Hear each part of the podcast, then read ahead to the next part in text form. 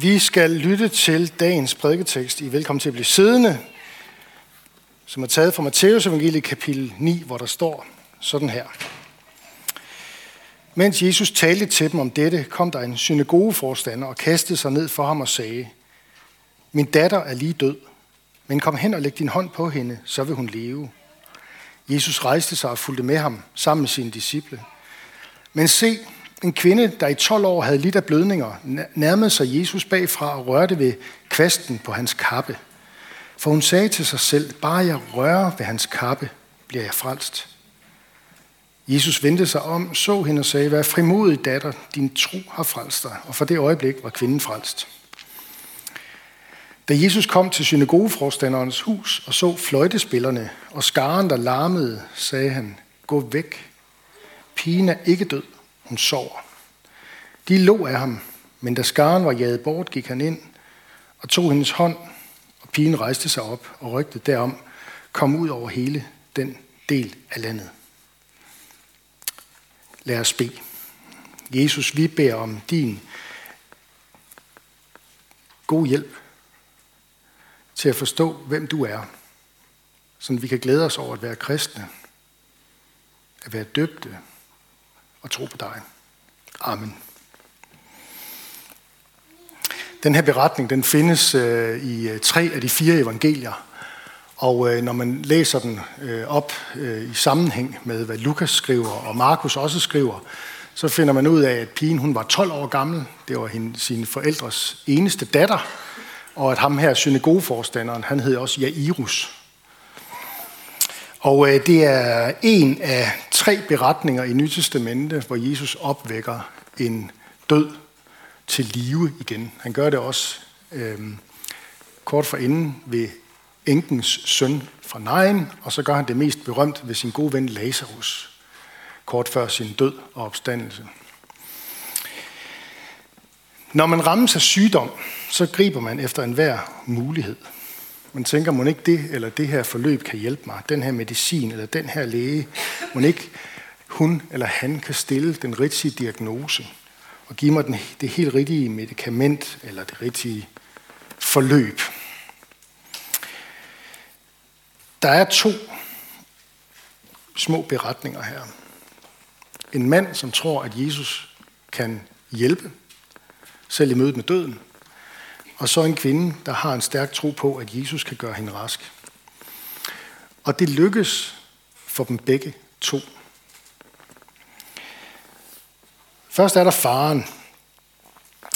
På en måde så er det jo unaturligt, at han har forladt et øh, dødsleje øh, når livet det æbber ud, så er, det, så er det jo netop, at man ligesom har brug for det her nærvær med hinanden. Det her sidste nærvær, der er så vigtigt. Men han har altså gjort det uhørte, at han forlader sit døde barn. For som den eneste i familien at opsøge en mand, som var kendt, elsket og efterfulgt i den egen. Og det var Jesus. Han opsøger den mand, mand, som er kendt for at gøre det umulige.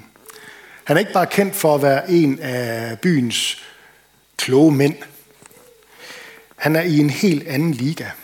Der er faktisk nogen, der er begyndt at gå rygter om, at øh, han er Messias, han er Guds egen søn, eller han er den profet, som Moses for mange, mange århundreder siden havde sagt til Israels folk skulle komme en dag og være en helt, helt særlig øh, skikkelse. Nogen siger, at i landsbyen Nein, ikke så langt derfra, der er det ikke så lang tid siden, han har gjort en enkes søn levende igen. Og det må synagogeforstanderen have hørt og tænkt, det kunne jeg godt lige bruge. Så faren går hen til Jesus. Min datter er lige død. Hvis du bare vil komme og lægge hænderne på hende, så tror jeg, at du kan gøre hende levende igen. Og så ender vi der hjemme i huset, hvor Jesus øh, har taget, når man læser de andre beretninger, så har han taget tre af sine disciple med, Peter, Jakob og Johannes, og pigens far og mor. Så de er altså, vi er altså seks, der står seks voksne omkring dødsleje. Øhm, og sorgen udenfor, sorgen, der er sorgen over den afdøde gået i gang. Jeg ved ikke, om I har oplevet sådan et, et, øh, en begravelse i Mellemøsten. Jeg stod engang, jeg stødte engang ind i en begravelse i Tiberias, og jeg kan godt love jer for, at det går lidt mere højligt for sig øh, end øh, herhjemme. Der er, det er simpelthen en del af kulturen, at man skal, man skal klage øh, og råbe på vegne af, og græde på vegne af den familie, der har mistet osv. Og, og øh, sådan er det også udenfor. Larm, råb, gråd. Og på vej ind i rummet, der er der en dag nogen, der har ledet af Jesus, fordi han har tilladt sig at sige noget i retning af, spar jeres gråd. Pigen sover kun. Nu går vi ind og vækker hende. De har jo ledet af ham, fordi at der har været en mistro. Fordi de ved godt, hvordan døden ser ud. Men nu står de der, seks voksne, omkring en pige på 12 år, som er konstateret død af både familien og naboer og venner. Men var mere tæt på døden dengang, end vi er i dag. Der var ikke sygehuse og hospice og den slags. Det var noget, der foregik derhjemme. Familien, slægten og naboerne, det var omsorgspersonerne, og det var også dem, der havde erfaring med og godt kunne se, når et menneske var dødt. Så derfor lå de, for de kunne godt kende en død, når de så en. Men så var der altså igen pigens far, som vidste noget mere. Han vidste noget om Jesus. Han havde hørt om de mirakler, han gjorde, både fysisk, sjæleligt, psykisk og også åndeligt i menneskers liv. Og derfor opsøger han Jesus og beder en bøn for sit barn. Og han havde jo set rigtigt, for Jesus tager hendes hånd og siger de her ord, rejs dig op. Det er et ekko af, af så må vi forstå det, et ekko af, af skabelsen dengang i, helt i, i tidens begyndelse, da Gud skabte himlen og jorden. Der sagde Gud, der skal ske det, der skal ske det. Der skal være lys, og der blev lys. Der skal være planter, der blev planter. Der skal være mennesker, og Gud skabte mennesket i sit billede. Og nu står skaberens søn der selv og siger, rejs dig op. Og så sker det. For det Gud han vil, det sker. Hun kom til live, rejste sig op, og så fik hun også noget at spise, står der. Jeg kan godt lide den lille detalje. Jesus, han også, det er ikke bare sådan lige øh, fysisk og døden, han tager fat i. Han synes også lige, at han kan mærke, at hun er sulten. I skal lige give hende lidt at spise. Mødet, møder med Jesus, de ender oftest godt i det nye testamente med helbredelser osv. Men man kan alligevel ikke lade med at sidde og have den her tanke, jamen det var dengang, men hvad så med i dag? Hvad med de af os, der sidder tilbage uden helbredelse? Hvad med de af os, der lige har begravet en, vi elsker? Og Jesus, han er ikke sådan lige i nærheden til at gå hen og rive fat i. Kunne du ikke lige cancellere den her begravelse? Hvad er det, der gør Jesus til godt nyt i alle vores livs nedture og svære situationer? Jeg vil læse en bog af en, der hedder øh, Joni Eriksson. Den hedder Når Gud, Gud helbreder. Og Joni, hun har de sidste 54 år været bundet til en kørestol, fordi hun som ung sprang i hovedet på en sø. Øh, sprang på hovedet i en sø. Undskyld, hvad sagde jeg? Hun sprang på hovedet i en sø. Ja, og øh, på, med alt for lavt vand. Og brækkede ryggen. Hun fik simpelthen diagnosen. Lammelse i arme og ben på grund af en skade i ryggraden og så sidder hun i kørestol. Hun lever stadigvæk. Den her bog, Når Gud helbreder, det er en rigtig god bog Øh, at blive klog på livet af generelt, og på øh, den kristne tro i øh, særdeleshed, vil jeg sige. Fordi Joni, hun har bedt Gud om helbredelse. Og hun, der er gået 54 år, og hun spørger, hvorfor helbreder Gud nogen og ikke andre?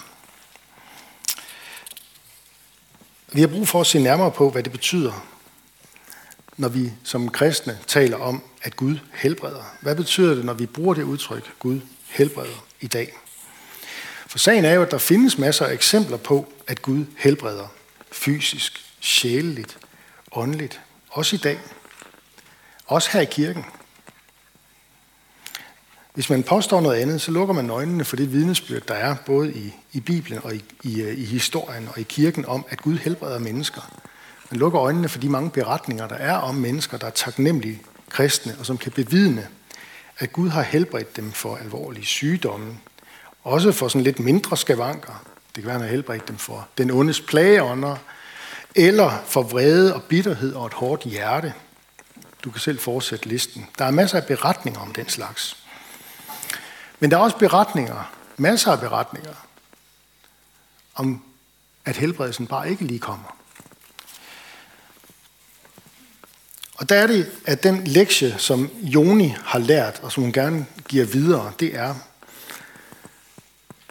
noget, som hun også læser ud af Bibelen. At Gud er Gud, og Gud forbeholder sig retten til at helbrede her nu, eller lade være. Gud ved bedst. Hun siger det også på den her måde her. Står i, øh, i øh, et sted i Bibelen, at vi blev helbredt ved, ved Jesus sår. Hun siger det på den måde her. Ja, vi blev helbredt ved Jesus sår, men ikke nødvendigvis her og nu. Det er hendes erfaring. Sygdom er kommet ind i verden på grund af syndefaldet, og det er sandt, at Jesus han kom for at ophæve den forbandelse. Men i den forbindelse er det vigtigt for os at forstå, at de ord, som Nytestamentet taler om, for Nytestamentet siger jo, der skal ikke mere være nogen forbandelse.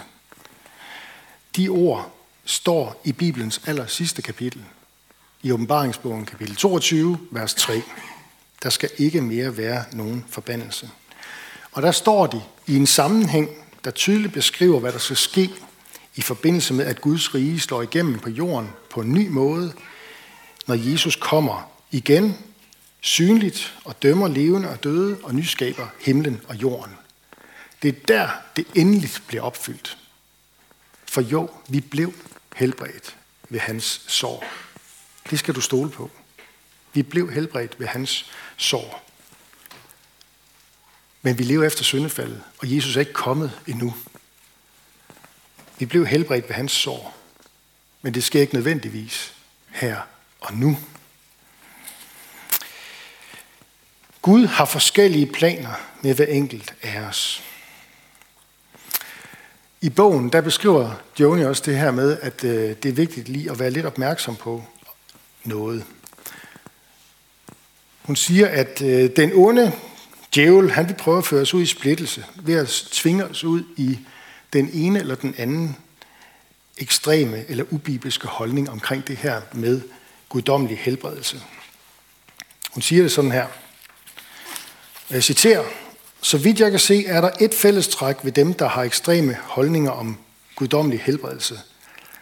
De mangler ydmyghed. Og så fortsætter hun. På den ene side er der mennesker, der fortæller Gud, at han er nødt til at gøre, hvad han er nødt til at gøre her og nu. Og på den anden side er der mennesker, der fortæller Gud, hvad han ikke er i stand til at gøre. Og begge dele er ekstremt, og begge dele er ubibelsk. Ingen af os skal kommandere med Gud om, hvad han skal gøre. Ingen af os skal tage al magten fra Gud i forhold til, hvad han kan gøre. Der, var en, øh, der er en anden beretning i Bibelen, hvor der kommer et menneske til Jesus, og så siger han, hans tjener er syg, og så siger han til Jesus, hvis du vil, så kan du gøre min tjener rask. Hvis du vil. Der er et vis i troen. Der er et ske din vilje. Der er en erfaring af, at Gud er Gud, og Gud ved bedst. Det kan være usikkert, om Gud vil præcis sådan, som jeg ønsker det her og nu. Og derfor så vil den modne kristne også bede og bekende om Gud og til Gud, at ja, du har al magt, du kan, og du ved bedst. Hvis du vil. Jeg synes, øh, Joni hun står for et sådan godt, realistisk øh, og sundt bibelsk øh, lederskab og en sund åndelig vejledning omkring de her ting. Hun kender nemlig til den magtesløshed, der opstår, hvor Guds magt og det her med, at Gud siger, min nåde er der nok, du er mit barn. Det står lysende klart. Hun lever i den trøst, som Gud giver hende. Hun ved, at intet er umuligt for Gud. Gud, du kan. Men hun har også fået en tro, der er vokset til at kunne tåle et nej. Eller i hvert fald et vent. For vi blev helbredt ved hans sår. Bare ikke nødvendigvis her nu. Vi har først et løfte om, at forbandelsen endegyldigt bliver hævet, den dag Jesus kommer og gør alting nyt. Der skal der ikke mere være nogen forbandelse. Så vi skal finde en god balance der. For der er nogle kristne miljøer, der er meget optaget af helbredelse. Andre er meget lidt optaget af helbredelse. Jeg tænker, lad os være optaget af helbredelse. Um, lad os være optaget af de nådegaver, Gud giver os, helbredelsens nådegaver, bønnen og forbønnen og salvningen i Jesu navn, er givet til Guds kirke, også til den her menighed. Og møder du et ja, så sig tak til din skaber og frelser, når Gud hører din bøn her og nu. Og fortæl også os andre om det. Det har vi brug for at vide og høre og blive opmuntret i troen på. Møder du et nej eller et vent, så skal du vide, at Gud er Gud. Han er den samme fra evighed til evighed. Og han ved godt om dig. Og han vil dig det godt. Og du må vide, at helingen kommer.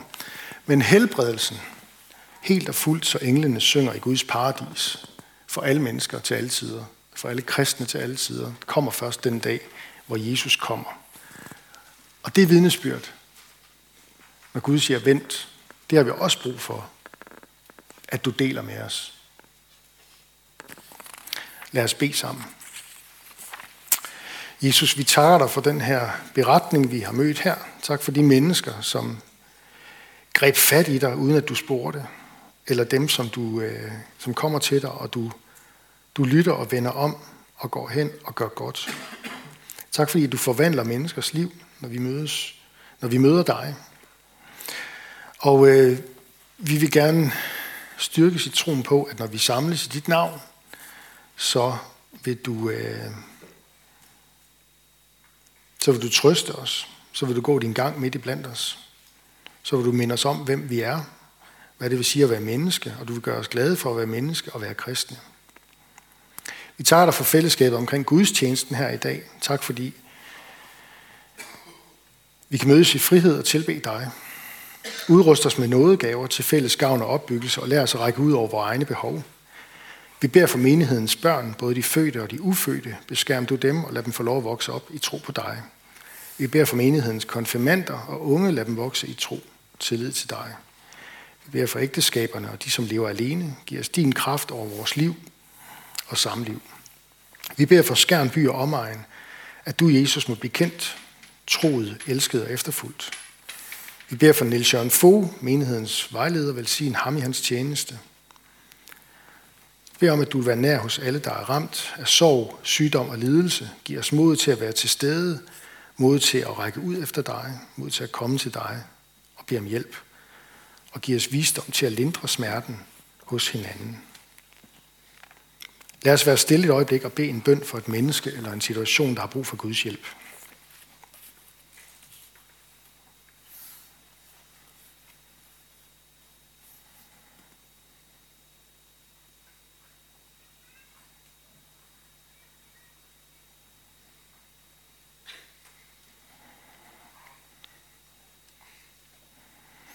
Tak dig, fordi vi kunne have besøg af Skjern Gospel Kids i dag. Tak for den glæde og energi, der lyser ud af dem. Jeg beder bare om, at de må have en, øh, et rigtig godt øh, sammenhold og kammeratskab.